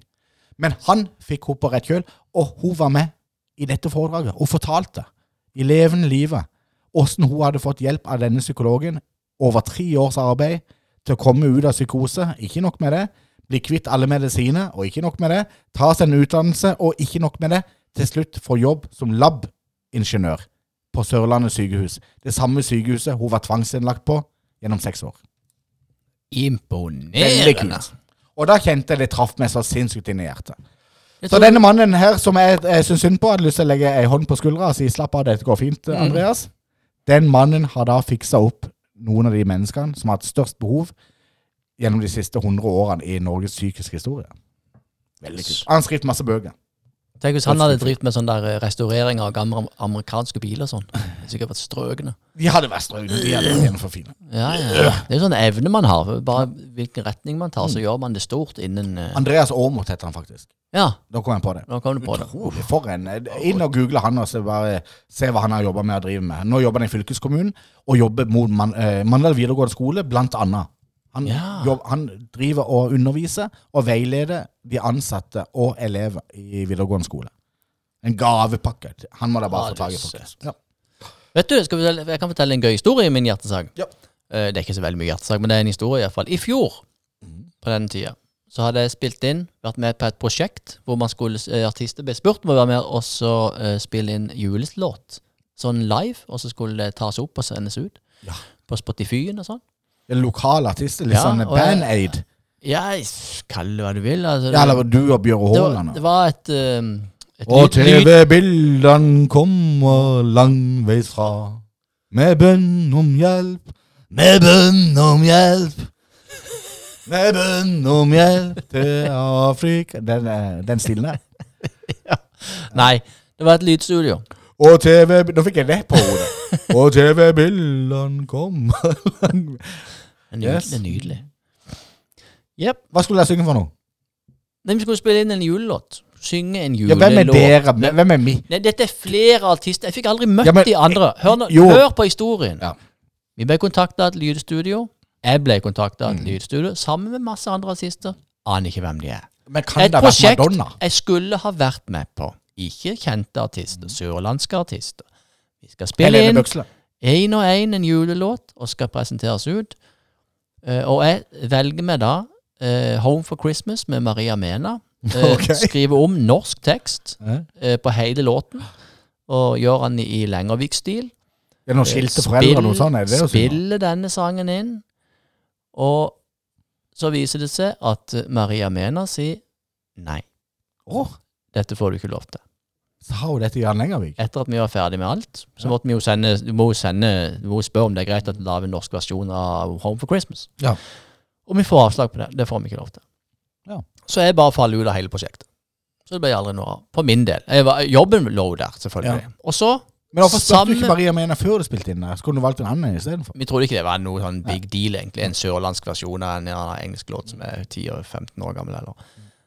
Eh, og så kommer jo Maria Mena ut sjøl med en norsk versjon av den sangen. Ah. Ja, to Men- måneder seinere. Men var han lik på den Så Jan den- Lengervik? Teksten nei, ja og nei. Ja. Jeg, Så du kan jeg- ikke jeg ta prøver henne ikke- for, Nei, du kan nei. ikke ta henne for å kopiere Jan Lengervik? Langt, langt ifra. Eh, men da fikk jeg grunnen til at vi fikk nei. Mm. For jeg tror nok hun er nok en hyggelig dame. Men de hadde jo, de jobba jo med et prosjekt med å lage en norsk versjon. Da Akkurat. blir det jo feil hvis jeg kom med en norsk versjon. Det var det Mm. Men som de var det. andre, da? Ga ikke de ut noe? Har du ikke liksom- altså, hva- hva- De andre sang, vet du. De satt der og ble Ja, men hvem filma, er det? og de spilte Nei, da må jeg røske opp og finne ut alle de som var med, for jeg, var jo, jeg ble jo på på en måte vraka fra hele prosjektet. da. Ja, for da kan du ikke velge en annen låt. Jeg kunne godt gått inn og sagt 'Glade jula, hellige jula da, England de daler ned i skjul', og så videre. Men det valgte jeg å ikke gjøre. Men det er gøy at du har hatt en beef. Jeg har jo lært meg det ordet når jeg jobber jo med ungdommer. Du har hatt en beef med Maria Mena. Nei, det, det var plateselskapet som gjorde det. Det hadde, hadde ikke jeg noe med å gjøre. Nei. Nei.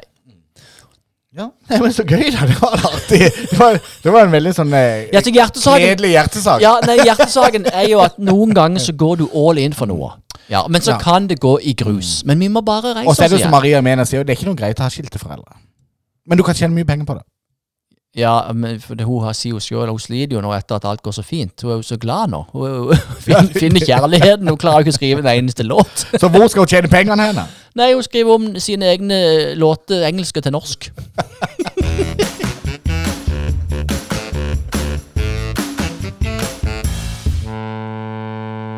Vi preka forrige gang om ord. Å Oh, ja.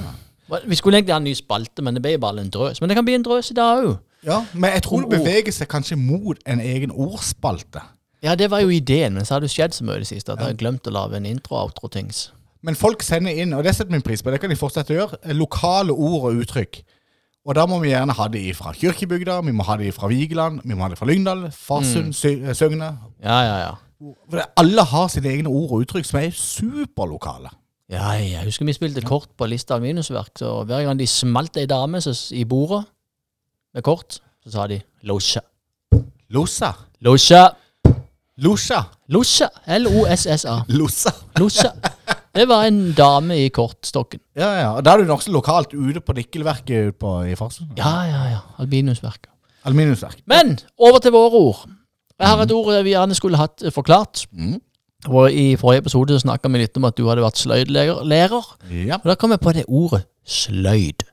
ja. Selve ordet sløyd. Ja. Ja. Jeg tenker sånn eh, Fisk, eh, fisk har du Ja. sløyd? Har du sløyd den? Ja, ja. Mm. Sant? Sløya. Sløyen fisk. Men hva, vet, du, Åpna. vet du hva det er? Sløyd. Jeg vet hva det er. Det er det som er så fint med deg, vet du. Du vet alt. Mm. Ja. Oraklet, Endre Jeg Drange gjør, og Thomsen. jeg gjør faktisk det. Eh, Ja. hvis, altså, du, for du leter etter definisjonen på ordet. Og eh, sløyd. kommer det fra? Hvor kommer det fra? Hvor kommer ordet sløyd fra? Det er det du spør om. Ja, sløyd. Ja. Du, det kan jeg si. Det kommer eh, fra norrønt. Kommer fra norrønt. Ja. Så Det er et norrønt ord. Eh, sløgo. Slø, eh, sløgo. Jeg tror det er sånn man ville uttalt det hvis man var viking på rundt eh, 1100-tallet. Sløgo. Sløgo. Og eh, det peker på nettopp det å være sløg. Å være sløg. Ja, og hva er å være sløg? Hva- Handy. Handy. Nei, nei, nei. Nei. Gløgg. Klok. Å, sier du det? Ja. Det er jo litt kult da med, med sløydfag i skolen, at det, du, dette, nå skal, Hvis vi, du nå skal vi mestrer lære å være sløydfaget. smarte, altså. Yes. Hvis du mestrer sløydfaget, som er blitt sett på som en litt sånn guttete ting, som et slags substitutt til den kjedelige, tunge, grå akademiske hverdagen, hvor ikke du mestrer norsk og engelsk og de tunge matematikk, kjemi, fysikk, Mhm. og så mestrer du sløyd. Men da, hvis du gjør det, du er gløgg. Da er du gløgg. Yes. Det var Du er klok. Det var gøy å Eller høre. sløg, som det kommer fra. Ja. Legg med den, du. Da legger vi den, du. Har vi flere ord på tapeten? Ja, jeg vet du har et ord til. Jeg har et ord. Eh, jeg- Nå skal jeg fortelle en historie for å si det ordet der. For jeg var, og I min tid, i gammel tid, jeg drev og- med som varmepumpemontør. Så jeg var rundt og monterte sånne varmepumper. Det var veldig i vinden i den tida. Og da kom jeg til en fyr, og så skulle jeg gå inn i sånn et kott. Vi skulle legge alle rørene og ledningene gjennom et kott for å komme fram til der inn og ut delen skulle være. ikke sant? Så skulle jeg gå inn, det var nokså mørkt der, hadde bare lys fra mobiltelefonen. Og så skulle han stå ytterst, så skulle vi finne ut hvor langt jeg måtte inn. Så sa jeg når jeg er i enden, så hoister jeg bare, sa jeg. Og så gikk jeg. Og så hørte jeg han sto bare og lo. Ja. så sa han hoiste? hoister? Det er det mandalske jeg noen gang har hørt, sa han. Jeg skjønte den ikke. Jo, jo, jo. Men det er liksom det, det Ja, ja, mandalske. det er det. Hoiste og At det- hoiste. For jeg, jeg var jo nokså ung på den tiden. Ja, Og hva betyr det å hoiste? For de som ikke kjenner til hoiste-ordet. det er jo å rope. Jeg tror det er mange Ja, det er akkurat det det er. Jeg tror veldig mange unge mandalitter De skjønner heller ikke det å hoiste. Hvis du går i Idrettsparken, da er det mange som hoister. Ja, da På tribunen. hoister du. Da er det en som, en, som- en, spesielt en som alltid starter det der. MK! han roper alene like høyt som 40 mann til sammen. Ja. Hvem er han? Arne Tobiassen. Arne Tobiassen. Og eh, ei anne som gikk på MK-kamp før i tida, vår kjære lokalpolitiker Inga Fjelsgaard. Hun sa det i gang, og så, eh, det var sikkert 2000 mennesker på tribunen, og så satt hun og så pe- prikka på sidemannen, og så sier hun Hvorfor, ro- hvorfor, nei, hvorfor hoister de helt Hvorfor hoister de høyt gress? Høyt gress? Han treneren til MK hoister hele tida. Høyt gress. Og så var det jo høyt press. Ja. Hun skjønte ikke det, om det var noen forskjell på at det var høyt gress, at det var et, et tegn på noe. Eh, Gøy. Men da hoister det, hoister man. Man roper det, man roper det ut. Fikk vi dratt i land noen ord i dag? Ja. Men det vi skal videre til nå, som skal få sin egen intro, tenker jeg, Mm. det er lurt. Det er en samtale du har hatt med ikke hvem som helst, med en av de som skal forsvare vårt land. ja. Ja. Det er jo rett og slett For at det, han skulle jo være ukens gjest. Det skulle han det? Ja, skulle vi, egentlig, vi skulle ha en ukens gjest, men så hadde vi snakka med uh, løytnant Damkås, og da For det, eh, I forrige episode, så Ja. ga jeg det en oppgave. Kan du til neste episode få ut av løyt, Det er så gøy å kalle han for løytnant Damkås. Ja, ja. For det høres jo ut som han er en del av førstelinjetjenesten i det norske forsvaret. Han er jo det. Han er jo nestkommanderende i eh, Agder, Heimevernet. Heimevernet, ja. Ja, om Heimevernet skal du ikke kimse av. Det er ikke som kimser før i ikke- sånn tida. Jeg kimser ikke Heimevernet. Nei, nei. nei. Så, da- men da- da- da- da sa, jeg- jeg hadde ikke noe kødd på beinet. Jeg sa Nei. bare at jeg hadde lest en sak at, eh, at de hadde hatt øvelse for Stemmer det. andre gang på ett år. og Det hadde aldri skjedd før. Og, og løytnant Damkås hadde vært involvert i dette, og så visste ikke jeg noe mer. Og så ble du litt sånn Ja, men hva er det han sa i avisen? Jeg, Du aner ingenting? jeg ante ingenting. Nei, nei, nei. Så sa du at nei, her må du få noe kødd på beina. Og det var da jeg ringte til løytnanten Ja. og ba kan den ærverdige løytnanten være så snill å ankomme på vårt kultursenter. Ja. Så sa han det kan jeg gjøre. Korporal Loland. Korporal Loland. Og nå skal du få denne samtalen mellom Loland og Damkås. Skal vi avslutte? Vi tar en drøs etterpå. Vi skal det? Ja, vi gjør det. Ja.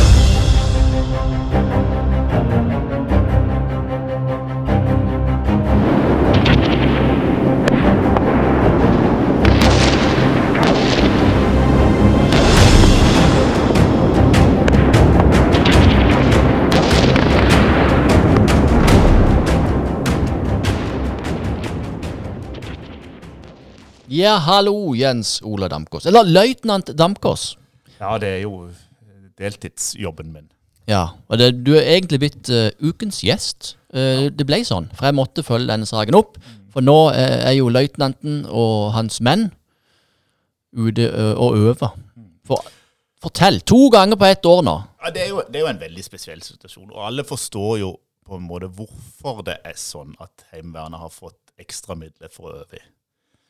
Men det er jo fred i Norge, Ja, ja. så vi må ikke liksom eh, krisemaksimere på noen som helst måte. Men det er jo som jeg, har- dette har vi sagt til Heimevernet så lenge jeg har vært i Heimevernet, i hvert fall, at vi, vi øver jo på noe vi virkelig håper at vi aldri kommer til å få bruk for. ja. Og det, men, men vi må øve. Men nå viser det seg at nå har jo Heimevernet rykka ut til Var det Kårstø? Gassforeningen som legger på Kårstø, er jo i- er Heimevernet og bistår politiet med vaktholder. Ja. Å være til stede og observere i tilfelle. Ber eh, en etter snar. Føre Ja, var og alt dette og- Og her. mye, mye er jo selvfølgelig at man skal vise som du sier, tilstedeværelse. Sånn at eh, folk som ikke vil oss godt, skal tenke seg om to ganger. og se, Her har de kontroll. Men hva innbefatter dette for det som løytnant i Heimevernet? Nå er jo jeg løytnant, som du sier, og, og nestkommanderende i Lindesnes HV-område. Som er det HV-området som består av lokale folk som bor rundt i Lindesnes, Marnardal, eh, oppe og- over eh, mot Åseral og Lyngdal og Lista-området. Det betyr jo at vi må jo øve det vi har plikt til å øve. Vi kan øves eh, ni dager i året i, i, som befal. Og hvis vi blir kalt ut, så blir vi jo mobilisert da. Da vil det si at vi må stille for å gjøre en jobb. Eh, og det er vel egentlig det det betyr. Sånn, I det daglige livet mitt så har det ikke sånn kjempestor innvirkning, annet enn at jeg må jo forberede de der hjemme på at, at hvis, det, hvis det skjer noe som gjør at Heimevernet må rykke ut, så må jeg reise. Da er det ikke sånn at jeg kan si nei, det passer litt dårlig. Ja, vi har syke barn i- og Ja, hjemme det- med sykt barn. Og det gjelder jo for, i og for seg for alle de 130 soldatene som tilhører oss i Lindesnes. Ja. Eh, hva øver dere på? Sånn, hva, dere kom, møter opp sammen, og så starter dere lastebilen, og så løper dere ut og inn og pakker sekken ned og opp, sånn som i Kompani Lauritzen, eller? Nei, det er, ikke, det er ikke helt sånn, men det er, ikke, det er, jo ikke, det er jo en militær avdeling, så ja, det, er jo, det går jo an å tenke at det er litt sånn, de, de av oss som har vært i førstegangstjenesten, husker vel tilbake til litt sånn hvordan det var når man hadde innrykk og stilte opp og sånn. Men det er jo klart det er jo voksne soldater, dette, som har en, en, som har en sivilt jobb ved siden av. Så det er jo ikke, det er jo ikke rekruttskole vi, vi øver på. Men vi øver jo selvfølgelig på å bruke de verktøyene vi har. Og verktøyene til militær avdeling er jo, er jo våpen. Ja, så det er sånn ta fra hverandre og sette sammen våpen pluss Ja, våpen. ja behandle, være trygg på verktøyet sitt. Og selvfølgelig også kunne treffe noe med, med våpenet sitt. Så det er jo det som er f- det største fokuset, for det er jo veldig mange av oss som er Når du var i førstegangstjenesten, du var jo inne i vel i to år, hvis jeg ikke husker feil. Hadde vel et pliktår kanskje òg, som Nei, bare ett år. ja, klarte å komme deg greit Men jeg hadde seks måneders rekruttskole. Sånn var det, ja. For du var militærpoliti. Og så Mm. Ja. hadde du s- seks måneder som, hvor du virka. Så har du det i fingrene, nesten. Sant? For der gjør du det så ofte. Mm. Men, men vi som på en måte bare gjør det en gang i året, vi må, vi må friskes opp hver eneste gang. Så det er viktig for oss at vi får skutt, og at vi kommer på skytebanen og får, får lært oss å bli trygg på våpenet vårt. Ja, for dere skri- med skarpskytetrening fikk jeg med meg. Ja, det- Kunne kaptein Bernt eh, Nils Bernt Rinde. Nils Han er, jo Bernt Rinde sjef, si. han er jo sjef i HV, nå, altså vår avdeling. Han er jo en ordentlig skarpskytter. Han er skarp. Han er dyktig. Han har vunnet mye norgesmesterskap i skyting. nå, nå må jeg, jeg, jeg blir sikkert korrigert på det hvis jeg sier feil, men jeg tror han har fem norgesmesterskap. Det er jo helt sykt. Ja, han er jo det er, altså, en- han, Man får være siktig med å bruke ordet legende, men akkurat i militær skarpskyting så er jo Nils Bernt Rinde en legende. Men det er mye å lære av han, da, for dere andre soldater, vil jeg tro. Jo, men så er det jo Han er jo toppidrettsutøver, hvis du skjønner hva jeg mener. Ja, ja. Og, og vi skal jo bare kunne klare å bruke verktøy. ja, Så ja. det er jo forskjeller. Altså, han terper, terper, terper, terper, og alt går automatisk og bruker ufattelig mange timer. Mens vi har eh, fem timer på skytebanen da. Så det er klart, vi må jo eh, Ja, han er en enormt god lærer, men, men vi kan ikke forvente at Vi kan ikke trene som han. Nei. Skjønner jo det. Så dere føler dere klare nå? Dere har, har dere hatt to øvelser, eller? Nå har vi hatt to Ja. øvelser. Altså, det vil si, vi har egentlig hatt brukt de pliktdagene som vi kan. Mannskap, Menig mannskap kan kalles inn seks dager i året, og befal ni dager. Så har vi delt disse opp i år. Fordi de, vi prøver jo å bruke opp budsjettene våre. Og da er Ja, ja. det sånn at hvis det var, var plass, hvis det var var nok til fire dager først, så fikk vi påfyll av penger, så fikk vi brukt opp de. Sånn at de har trent seks dager. Ja, vi er jo det. Vi føler jo at vi er i stand til å løse det oppdraget som vi blir satt til. Ja, for det tenkte jeg på. For det er ikke bare at befolkningen skal føle seg trygge. Det viktigste er jo at dere føler dere trygge i det dere holder på med. Ja, og, og når, hvis vi begynner å prate litt, og, og det har vi jo brukt mye tid på, altså man skal eh, prate litt om, om hvordan man har det, og hva, hva, hva, hva det innebærer for det, og s- kanskje din nærmeste familie. For det er et ganske det er et tøft oppdrag. Og, og det altså står, de som står på Kårstø nå, de står jo og bevokter noe med eh, et, med et ganske farlig våpen i hånda. Så det er jo ikke sånn, det er jo ikke sånn som det var Kanskje folk har inntrykk av Heimevernet for 10-15 år siden, at de var ute i skogen og lekte krig og drakk litt øl. Det, det, Nei. det er jo ikke sånn lenger. Nei. Eh, så det er nok mange i v- vår avdeling og i eh, Heimevernet generelt som har fått en litt sånn eh, Kanskje de har fått et litt annet syn på det å være en heimevernssoldat.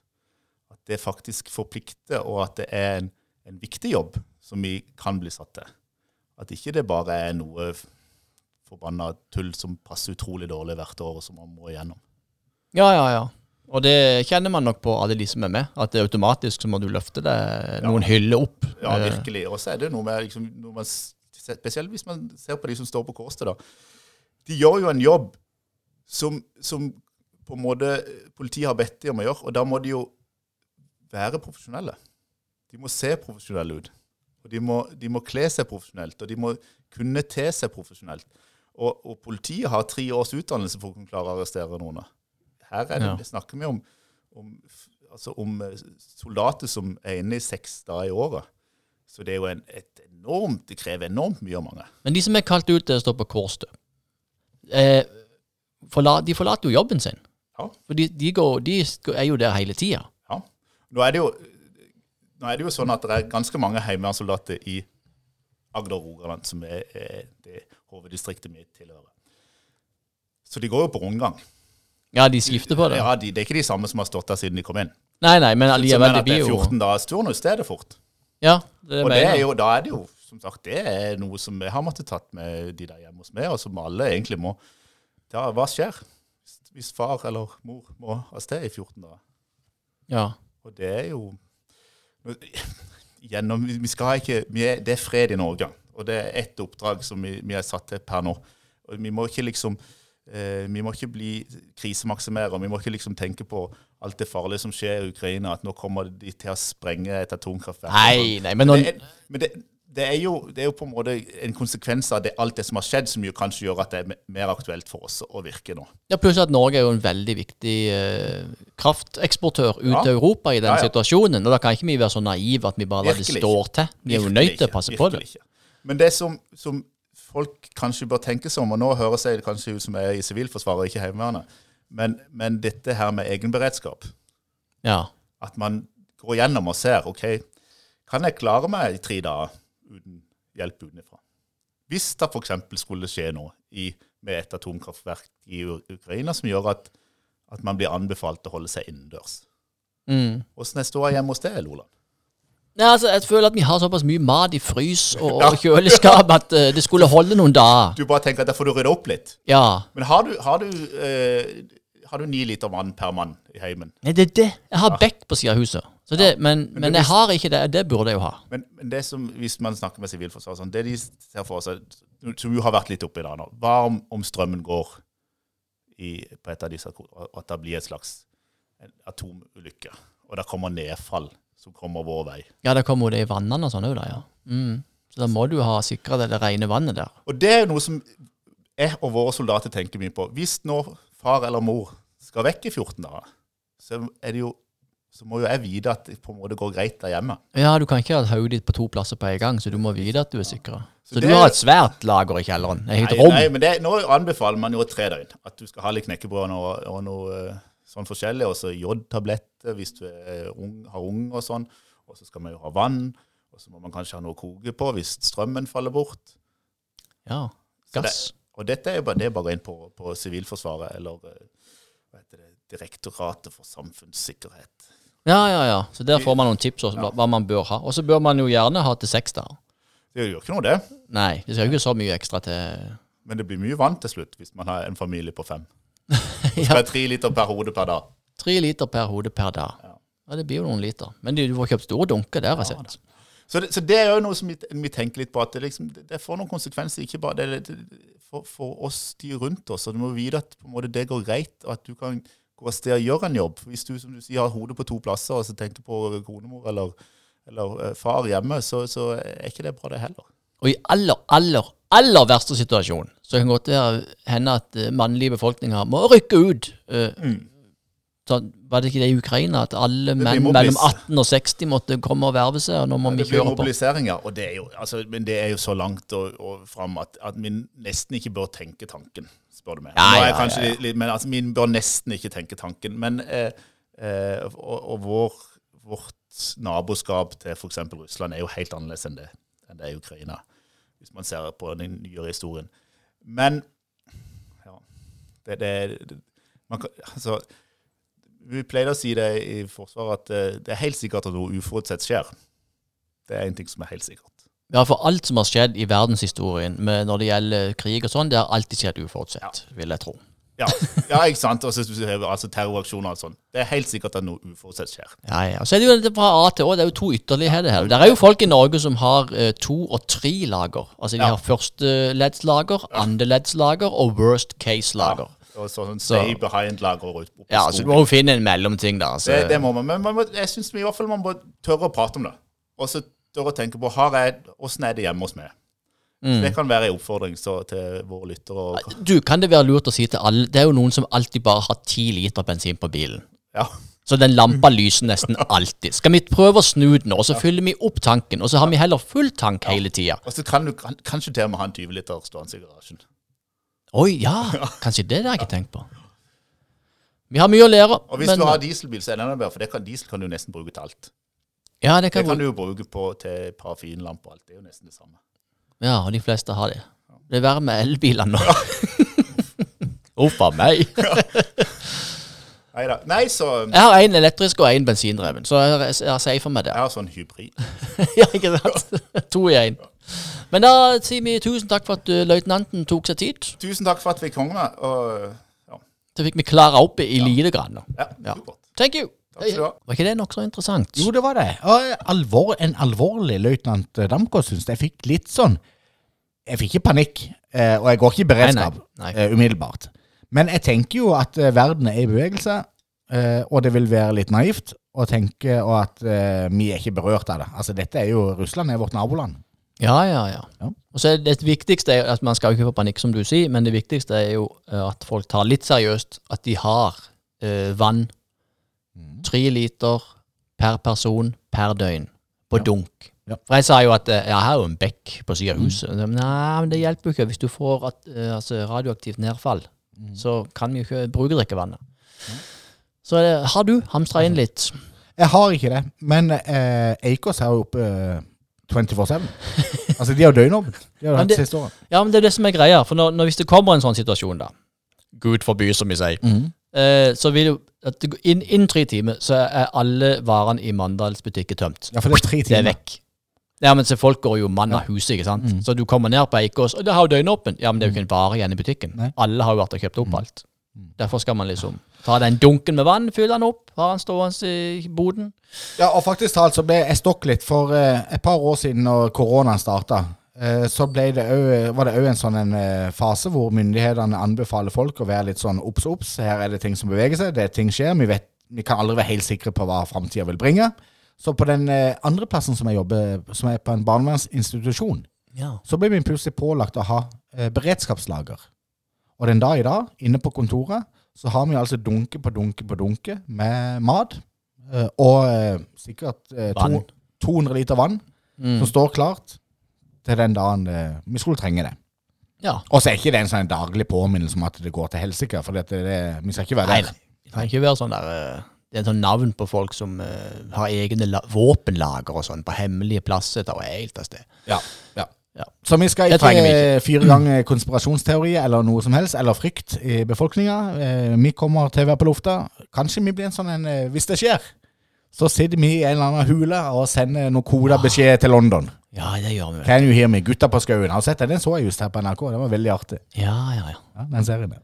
Eller Skjær- Skjærgårdspodden calling. Skjærgårdspodden calling. London, are you there? Yes. Yes, we are here. How are you doing on the Jackal Spartan? No, we still have some water left, but please send some more. Tusen, tusen takk for at dere fortsetter å gidde å høre på det vi har på hjertet. Det er jo ikke lite. ja. Eh, også eh, en anbefaling til dere som eh, lurer på hva dere skal kjøpe i julegave til deres nærmeste, som har alt. Da kjøper dere en billett til showet Mandal 100 på 100 minutter, som har ekstraforestillinger. Ja, i gamle Mandal Kino. Og da er det bare å for ta de som, kontakt eh, med oss, og så de får som dere har- tak i billett. Ja. Og de som la merke til at eh, Thomsen har snøvla litt i dag, det er bare at han har bitt seg i tunga. Så det er ikke noe verre enn det. Det er det. Eh, Og så Og der måtte vi le. Det er ikke jo fint. Det er ikke noe problem, det. Nei, det er ikke noe. Jeg bor i Størsandsen. Jeg synes bare det er Størsandsen. Hva skal du? Jeg skal til Størsandsen.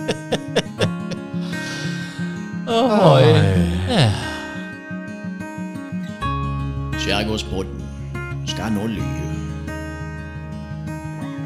Så jo da, ja vel. Ja, det var sånn det ble.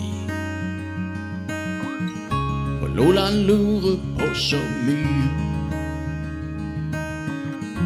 Og Endre Thomsen viser vei. Så ja da, jo da, men alliavel. Nei da, så Nei, vi må, vi må labbe hjem nå, for vi skal ete. Men Neste gang skal vi ha alt på stell. Og vi håper du ønsker å være til stede.